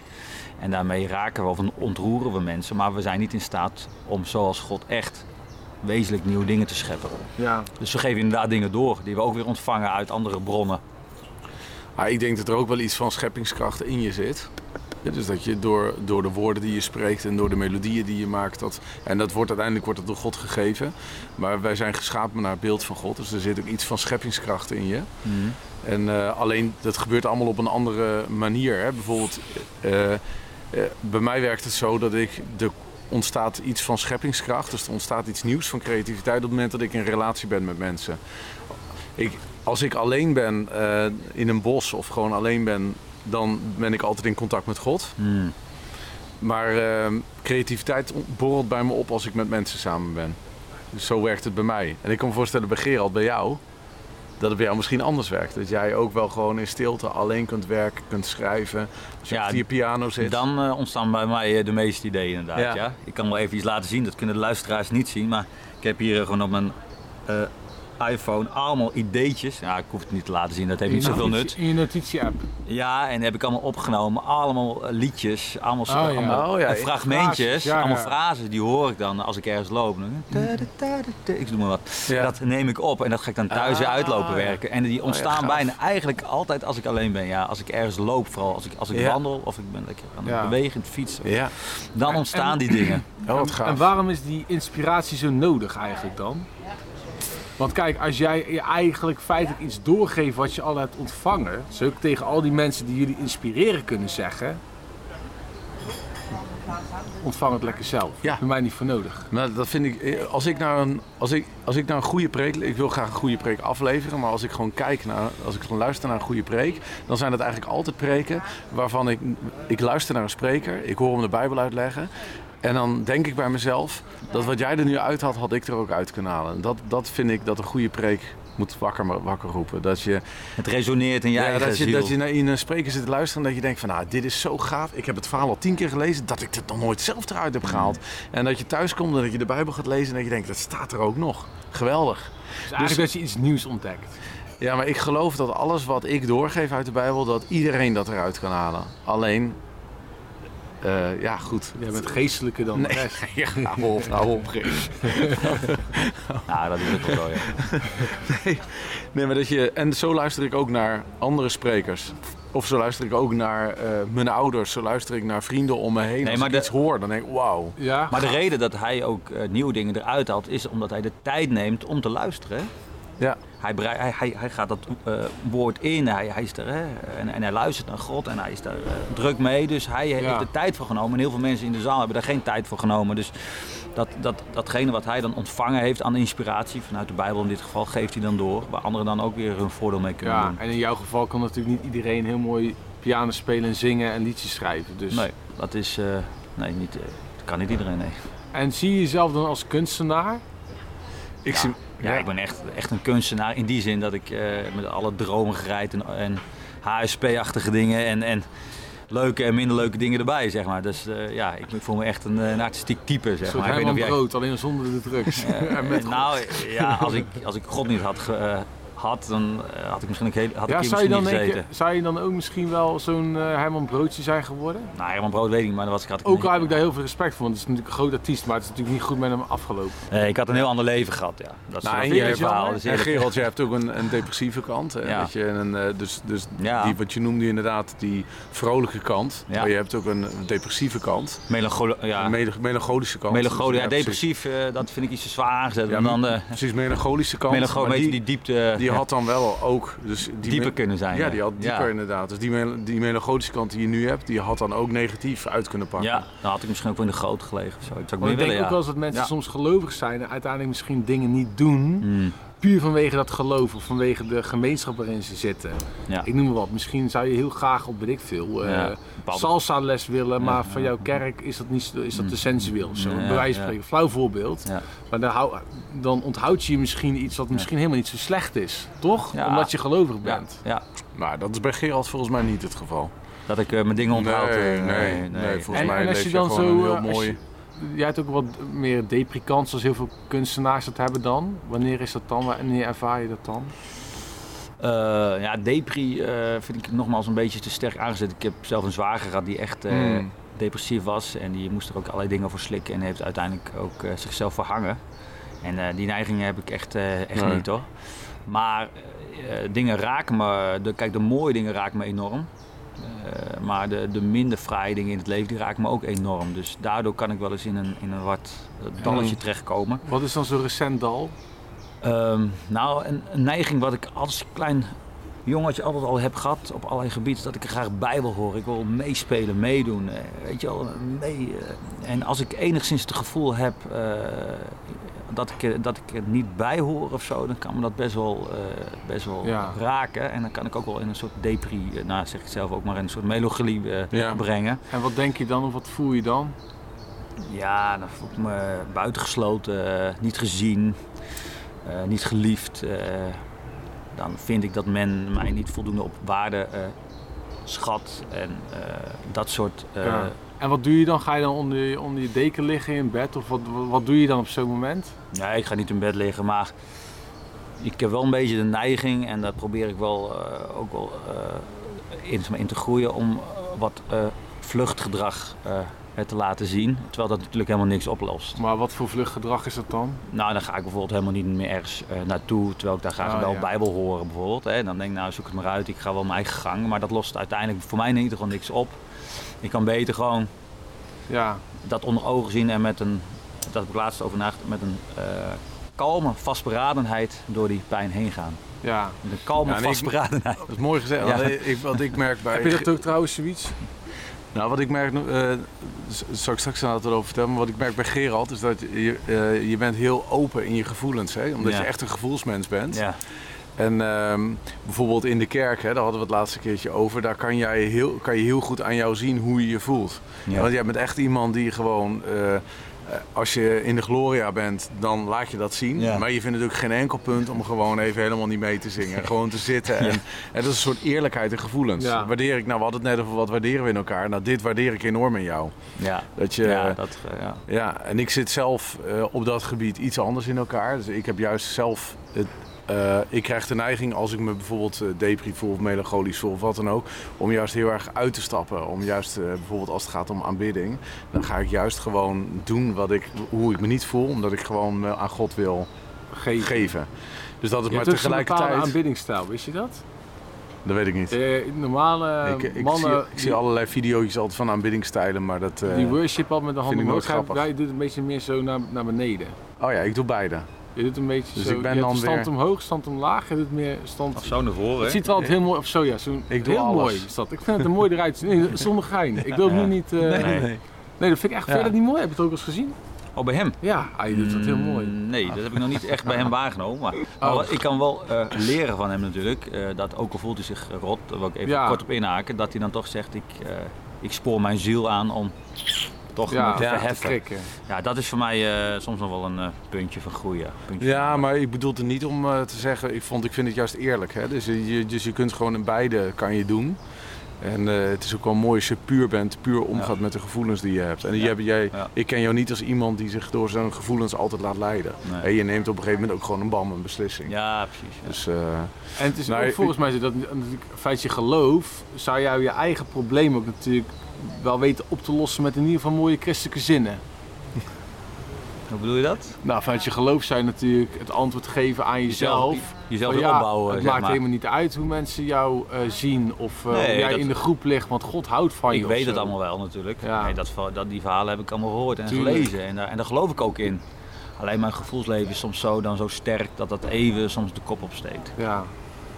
En is het dan... eh, En wat ik ook wel wil zeggen, en dat hoorde ik laatst iemand zeggen, eh, dat je je, ja, je je pijn of je gebrokenheid, ook uit het verleden, niet altijd maar moet overschreeuwen met heel veel geloofsuitspraken. Ja. Die neiging hebben ook Oppompen. beetje. Ja, eh, en terwijl er van binnen van alles aan de hand is. ja, En ik snap het. dat hoorde ik van, hoe heet die, David de Vos. Oh ja, die, ja, eh, die, had dat te lang gedaan, zei hij. ja, klopt. En met heel veel geloof, eh, de- je eigen innerlijke pijn en gebrokenheid Ja, en dat is ook uiteindelijk ook een soort acteren misschien dan. Ja, tijd. Ja, of het moet werken zoals bij Wim, die kan het dus soort wel. Nou, ik doe het dan niet met uitspraken, maar bij mij werkt het bij aanbidding. Als ik, als ik eh, muziek doet mij altijd heel veel. Dus als ik eh, bijvoorbeeld vanmiddag, nou had ik even een moment dat ik gewoon somber was. En, eh, dat ik, eh, en wat, wat ik dan doe is, dan ga ik gewoon, zet ik muziek aan. En dan laat ik gewoon die muziek gewoon mij vervullen.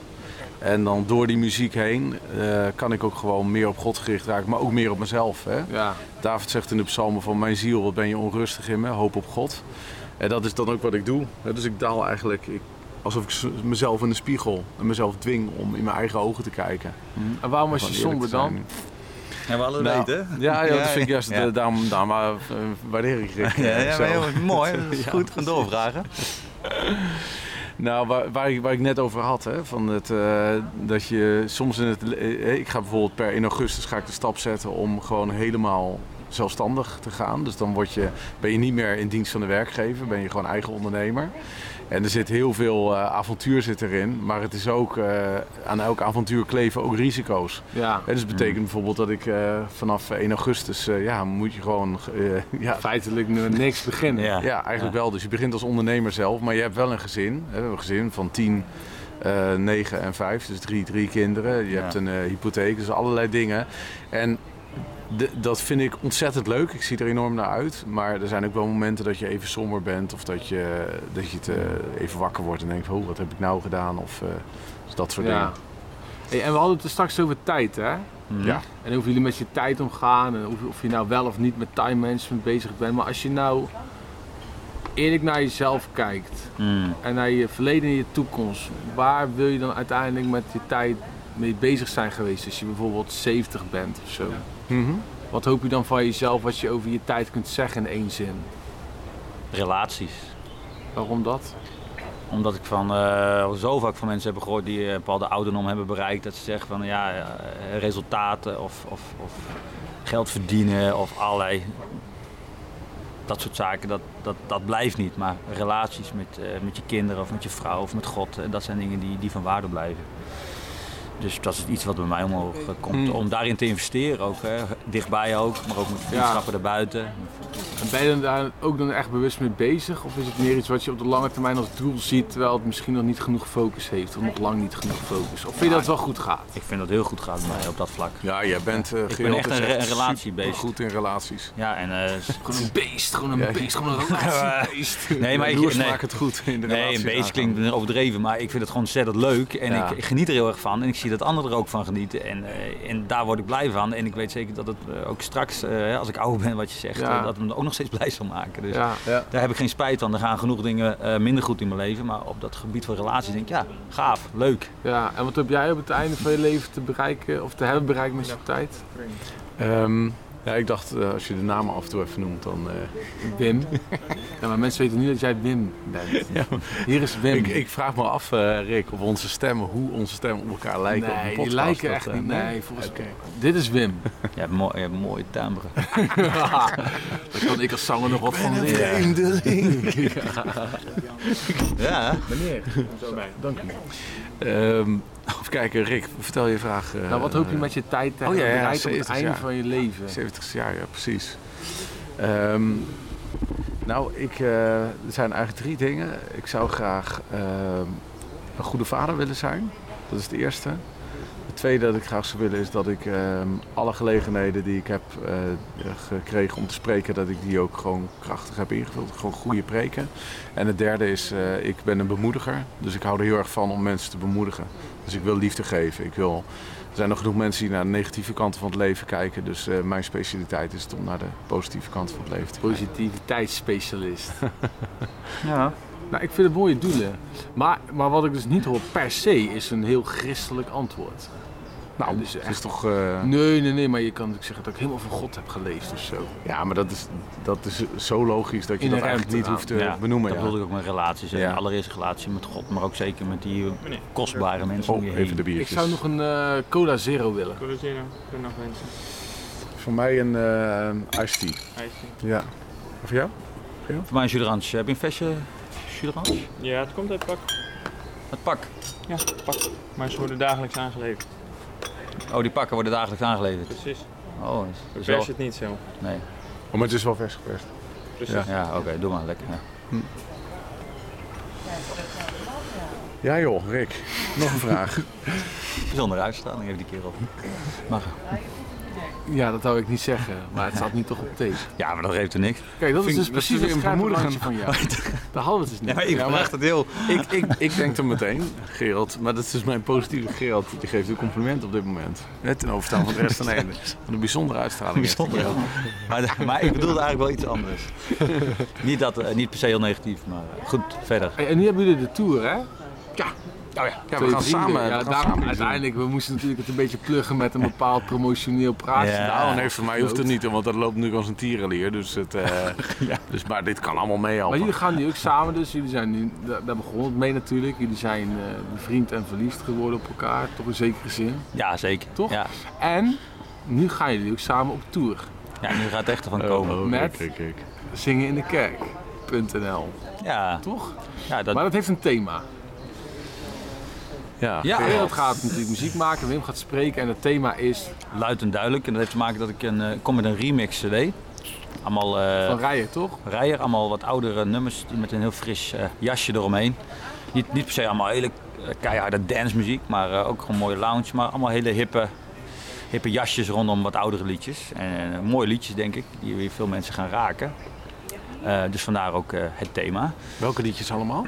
Dus tenminste, weet je een paar liedjes Eh, al? Eh? Kon jij maar zien?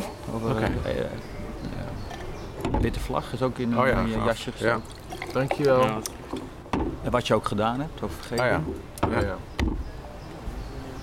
Ja. Eh, dus vandaar het thema. En toen ben ik daar een beetje samen met Wim eh, over nagedenken. En eh, ik werd wel geraakt door het verhaal van Bartimeus persoonlijk. eh, Mhm. Die heel luid en duidelijk en zonder schaamte gewoon eh, gelooft in eerste instantie dat Jezus degene is die, ehm, die zijn nood eh, kan wegnemen. Ja. En die daar heel onbeschaamd gewoon roept naar Jezus. En, eh, en nog heel eens, even, eh, sorry jongens, ik schaam me als ik het fout heb, maar hij was blind.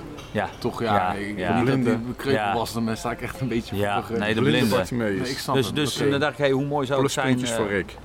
als ik een aantal levensliedjes breng, hè, en die gaan over Oh, ja. nood in het leven, over verdriet, over gemis weet je, hè, en over allerlei andere zaken. Eh, en dat eh, Wim kan spreken over die nood, ook eh, bijbels gezien, Ja. met het verhaal van Bartimeus. En dat, Ja. van- dat we van daaruit eh, tot een stukje overgave komen. En, eh, En wat is nou dan eh, het laatste wat jij, Wim, hebt eh, gezegd tegen God, luid en duidelijk, wat jouw nood is? Van je echt dacht, nou, dit is een Bartimeus momentje. hmm. Nou, dat is een goede, dat is een mooie vraag. Ehm dat hoef ik op zich niet zo. Dat, dat gaat over waar ik het net over had. Dus over, over die toekomst. Over de zekerheid zeg maar, in de toekomst. Dat is een soort Nou, van heel maakt, concreet. toch? Heel concreet. Als je het, als je het echt heel concreet Ja. bent, daar hou je van. Je houdt van eerlijke, concrete antwoorden. Bam. Hm. Vanochtend werd ik Luid en duidelijke antwoorden. Vanochtend werd ik wakker. En ehm, in, eh, de, het eerste, en dat is, dat, dat is voor mij best wel bijzonder. Ik hoor, het leek net alsof ik een heel duidelijke stem, en dat was de stem van God, in mij hoorde. Eh, dat heb ik twee keer eerder gehad. Hoorbaar. Ja, nou, het was nou voor zo duidelijk dat ik meteen dacht. En dus de laatste is dat ook al, ook al een keer gebeurd. En toen was het zo duidelijk dat ik dacht, ja, wat er nu gezegd werd, dat kan ik wel onthouden. Maar toen viel ik weer terug in slaap. En toen ben ik het vergeten. Dus toen heb ik het niet op kunnen schrijven. Maar nu... Nu ik- wel. ja, nu wel. En wat was het? Dat is natuurlijk wat zin- iedereen wil weten. De zin was, luister niet naar andere mensen. Luister niet naar wat andere mensen zeggen. Luister niet wat andere mensen... Dat was de zin. Luister niet naar wat andere mensen zeggen. Dat was, en, het is En een hoe duidde je dat dan? Nou, eh, omdat ik nu natuurlijk in keuzeprocessen zit en heel veel advies krijg van allerlei Van andere iedereen. mensen. Ook van mij natuurlijk. Ook voor jou heb ik hele, hele goede adviezen gekregen. Maar moet je niet naar van, van Gerald. Maar dat, eh, wat voor mij voor nu, hè, want je moet dat afvragen waarom zegt God het nu en niet Ja. destijds. Want toen ik met Rick praatte destijds, Nee, toen zei hij dat niet. Toen heb je die droom gekregen waarvan je niet meer wist wat het was. En dat was luister naar Rick, luister naar. Wijsheid, wijsheid. Maar die, eh, en, en eh, wij hebben het idee van we moeten nu zelf een besluit gaan nemen. En daar moeten we, hè, dus alle adviezen die we gekregen moeten bij elkaar haken. Dat is allemaal prima, maar het is nu even tussen God en ons. Ja, Het is nu even tussen God en ons. je kan ook niet Dus, gek eh, worden van alle meningen die ja. iedereen heeft. Het is allemaal heel wijs, maar uiteindelijk gaat het niet alleen om wat is wijsheid, maar ook wat is waarheid. Wat wil God gewoon. Ja, maar jouw Dus Bartimeus een, eh, momentje Mooi, was mooi dus- moment. Of eh, Ja. mooi moment, mooie, mooie zin. Ja, Dus uiteindelijk heb je ook wel Waarheid. luid en duidelijk iets tegen God gezegd. Namelijk, oké, ik maak me eigenlijk toch wel een soort van geef zorgen. richting, geef duidelijkheid, En je wat moet hebt ik ook doen. luid en duidelijk een antwoord gekregen. Ja. Ja, dat was, was voor mij echt Je bijzonder. krijgt, eh, ja, ik krijg en zo'n outline voor de preek. Rick. Ja, en wat Ja, was maar jouw, niet te eh, hard zeggen, want anders moeten we hem nog weer... eh, moet hem betalen. en wat was jouw laatste Bartimeus momentje dan? Eh, dat ik echt luid en duidelijk. Ja, ik heb wel iets in mijn hoofd, maar dat ga ik niet zeggen. Bijbelkiosk. Maar ja, Zo'n bijzonder moment. Ja. Dat was toen we samen waren. Ja. Dat was ook een Bartimeus moment. ja zeker. Alleen was het niet echt een, echt Een vraag. Een, een grote schreeuw vanuit mijn Ja. hart op dat Oh, nee, moment. nee, nee, hè? was meer een, eh, meer wat is de spontaan laatste moment. die je zou willen delen? Ik zal dat sommige dingen privé zijn, dat ga ik ook niet eh, zeggen. Rick zou de laatste zijn om zulke dingen op zip eh, te zetten. Of deze de eerste, wat bedoel je? Je zei laatste, maar ik hoorde, hij bedoelt luid en duidelijk eerste. Nee, ehm, ehm, ik heb iets in mijn hoofd, dat ga ik dus niet zeggen. Wat had ik al gezegd? Eh, nee, dat is, Weet je het zeker dat je het niet wil zeggen? Heel op hem inpraten. Ja. Ehm, nou, ik heb nu even een heel concreet voorbeeld, sorry. Ik, ik heb er eentje en die is heel, heel concreet, maar dat, dat ga ik niet doen, want dat ligt te gevoelig. Ja, moet Niet zozeer voor mezelf, maar voor mensen die, Voor die ja, voor die het aangaat. Ja. En, eh, dat was echt een eh, schreeuw van- vanuit mij naar iets en naar iemand. En, eh, Maar als je dan zo'n schreeuw het is hebt... niet mijn vrouw je- overigens. Nee, maar als je zo'n schreeuw hebt dan, Ja, daar kan je misschien wel over praten. Wat, ja.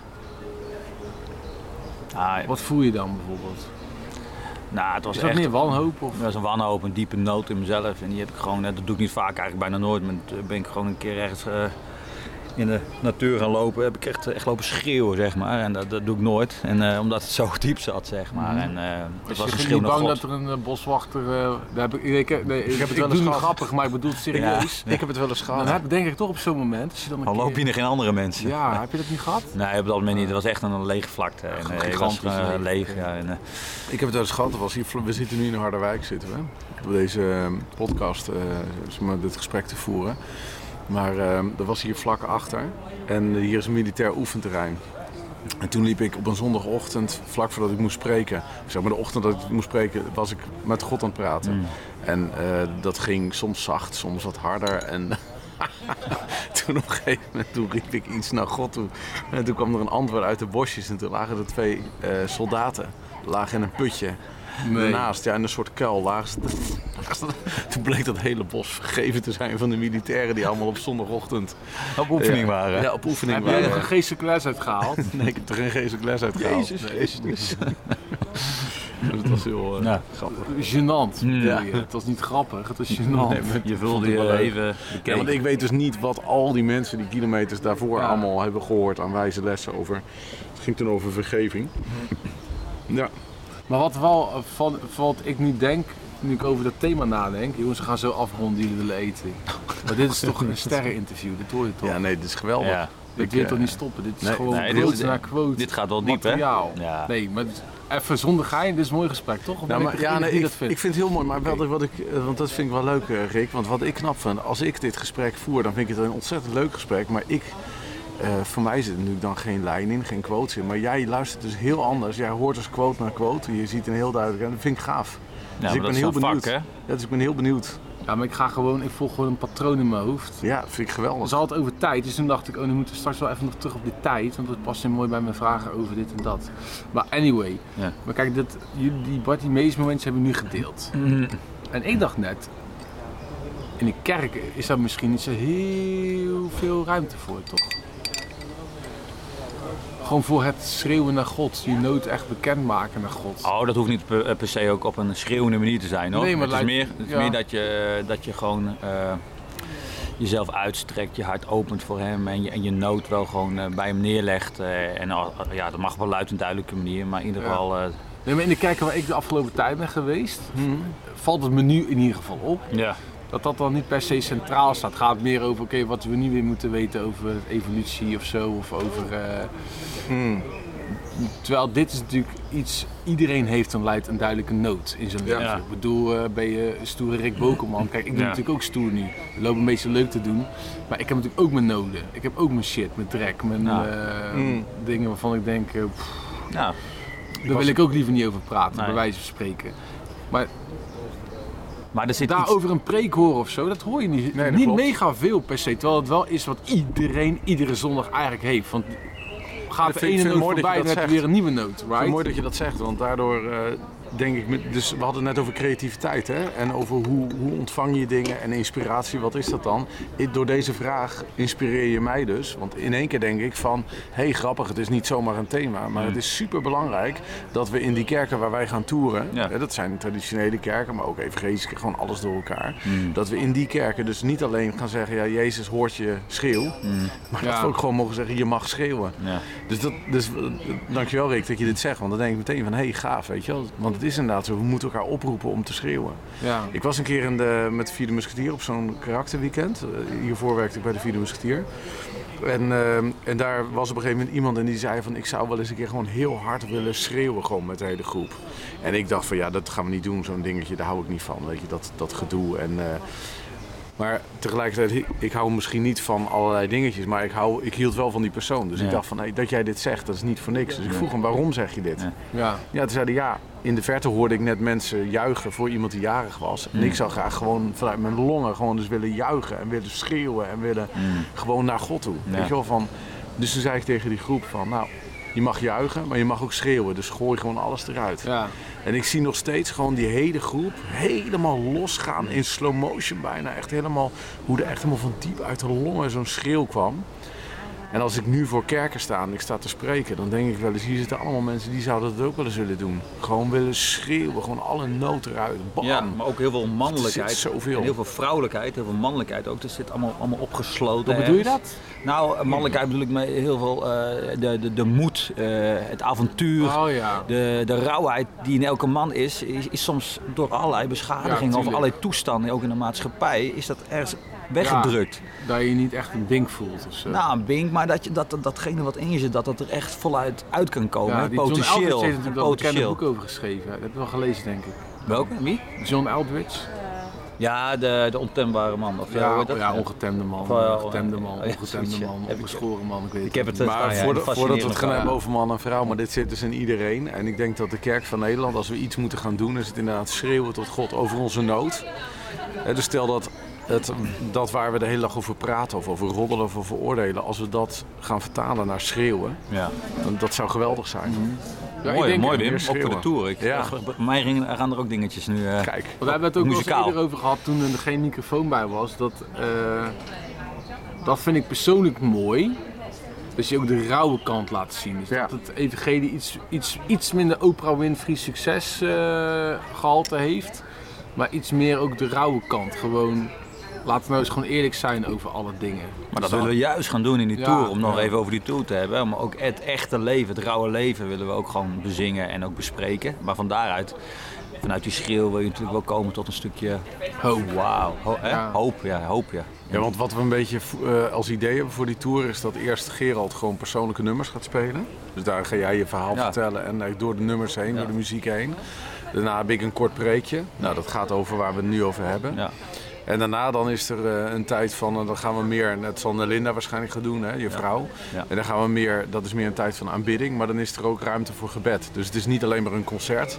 Het is ook gewoon echt eh, voor je laten bidden, maar ook bidden met de zaal. Dat je gewoon, maar dat er, dat Echt er iets dingen- is. ja. Dus je zit niet te luisteren in je stoel en niks te doen, maar je kan ook echt wat doen. Je kunt in actie komen. ja, dat je een soort van ook verbonden wordt via wat er gebeurt met je eigen verhaal. Ja, dat is exact, belangrijk. exact. We willen niet alleen maar mooie liedjes brengen, dat is ook prima. Alleen we willen meer dan dat. We willen Ja. een laag dieper tenminste. Ja. Oké, en dan komen we bij de laatste vraag. Ja. Met wie zouden jullie nou heel graag nog een biertje willen drinken? Oh, dat weet ik gelijk. Met wie dan? Michael W. Smith. Ja, Dat is echt mijn grote voorbeeld. Dat wist ik helemaal niet. Dus ik noem jou de Michael de Smit van Nederland. Ja. Maar dat is ook gewoon echt jouw Echt voorbeeld. al vanaf Ja. 18 jaar met Go West Young Man Ja. en Plays in Go World. West, En al die albums, ik zeg niet dat elk album een schot in de roos is, maar hoe die man met zijn melodieën, met zijn teksten, maar Ja, ook met zijn hele performance en zijn internationale invloed. Maar wat zou je dan een soort van eh, willen ervaren tijdens dat gesprek? Kijk, uiteindelijk je wil met iemand een biertje Ja. drinken. Ja. eh, met een bepaald doel. Wat zou dan je doel zijn? Wat zou je graag willen ervaren dan? Nou, eh, on- onder andere zou ik het heel graag willen hebben over liedjes schrijven natuurlijk. Ik vind hem een heel goed liedschrijver. Ik zou het willen hebben hoe hij dat doet als, eh, als iemand die eh, ja, de wereld afreist, weet je wel. Hè, wat hij daarin ervaren heeft, hè, wat de verschillen zijn per land enzovoort. Ja, hoe, de, ja, hoe die vriend, vriendschappen onderhoudt terwijl hij zo vaak weg is. En hoe dat gaat in zijn huwelijk terwijl hij zo vaak weg is. Dat zijn wel vragen die ik zou hebben. Omdat je die vragen zelf ook hebt. Ja, en ook over zijn geloofsleven. Hoe hij dat brandend houdt en vurig. Ja, het zijn heel veel dingen die er langskomen. Maar vooral ook muzikaal inderdaad. En eh, qua liedschrijven. Ja. Hey, En Wim, met wie zou jij nog een biertje willen Ja, drinken? ik, ik zit te denken, want ik kan nu wel iets verzinnen, maar... Ik heb eigenlijk nog iedereen al bier gedronken. Ja, nou ja, over het algemeen de mensen met wie ik, van wie ik graag wat zou willen leren, die ontmoet ik op een gegeven moment wel Oh, ja. ergens op de een of andere manier.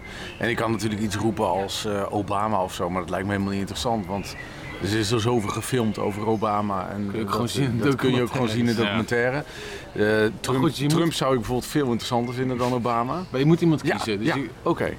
Als je het dan hebt over nu, zeg maar op dit moment, zou ik Mike Pence ontzettend interessant Oh ja, interessant, goede keus. Ja. Goeie keus. Echt een stille Waarom? kracht, hè? Nou, dan zou, zou ik willen weten. ehm, eh, kijk, eh, ik heb in de, in de politieke wereld geleerd. Als je wil weten hoe iemand denkt, moet je altijd kijken naar de persoon die next to hem staat. Dat is zijn belangrijkste adviseur. Dat is bij Trump Mike Pence. Ja. Dus heel van het beleid van Dat Trump. denken we trouwens. Hè? Ja, maar goed, dat is in elk geval wel degene Laten we het die. aannemen. die laat het, Wel een van de nou, ik, invloeden. Wat zou je hem vragen dan? nou, ik zou. Hij is heel ehm, erg overtuigd christen. Dus Ja, ja, ja. Ik, Ja. eh, ik, zou hem, eh, ik zou hem willen vragen wat zijn. ehm mm, even kijken hoor. Zijn. eh, ik zou gewoon allereerst gewoon met hem willen hebben over wie God voor hem is. Ik vind, dat vind ik gewoon interessant. Maar dat vind ik bij iedereen interessant. Dus ik zou gewoon eerst met hem chit-chatten en praten als, als vader. En het, ik zou het ook heel leuk vinden om te vragen wat, wat hij bewondert in Trump. Dat Oh, vind, ja. ik, vind ik mooi. Hè? Dus wat bewonder je in iemand? Ik zou, zou het heel interessant vinden wat hij bewondert in eh, Obama. En de, ik zou willen weten hoe hij verschillen ziet tussen de verschillende presidenten die voor Trump zijn geweest. Want als je het daarover hebt, dan kun je ook een beetje kijken waar zijn voorkeuren liggen en waarom hij... Maar eh, zal er niet zo'n fan van zijn, schat ik in. ja, nou, ik, ik, nou, ik, denk, ik denk dat hij wel iemand is die over allerlei partijen heen kan kijken, vermoed ik. Maar goed, dat zou ik dus willen weten. Dus hoe, hoe sta je boven de partijen? Ja. En eh, wat ik interessant vind, is om zijn grand vision te zien over hoe de wereld in elkaar steekt. Heel veel Oh, mensen ja. nemen aan dat Mike Pence zich laat leiden door allerlei eh, eindtijdtheorieën. Hè, dus dat hij vanuit eindtijd...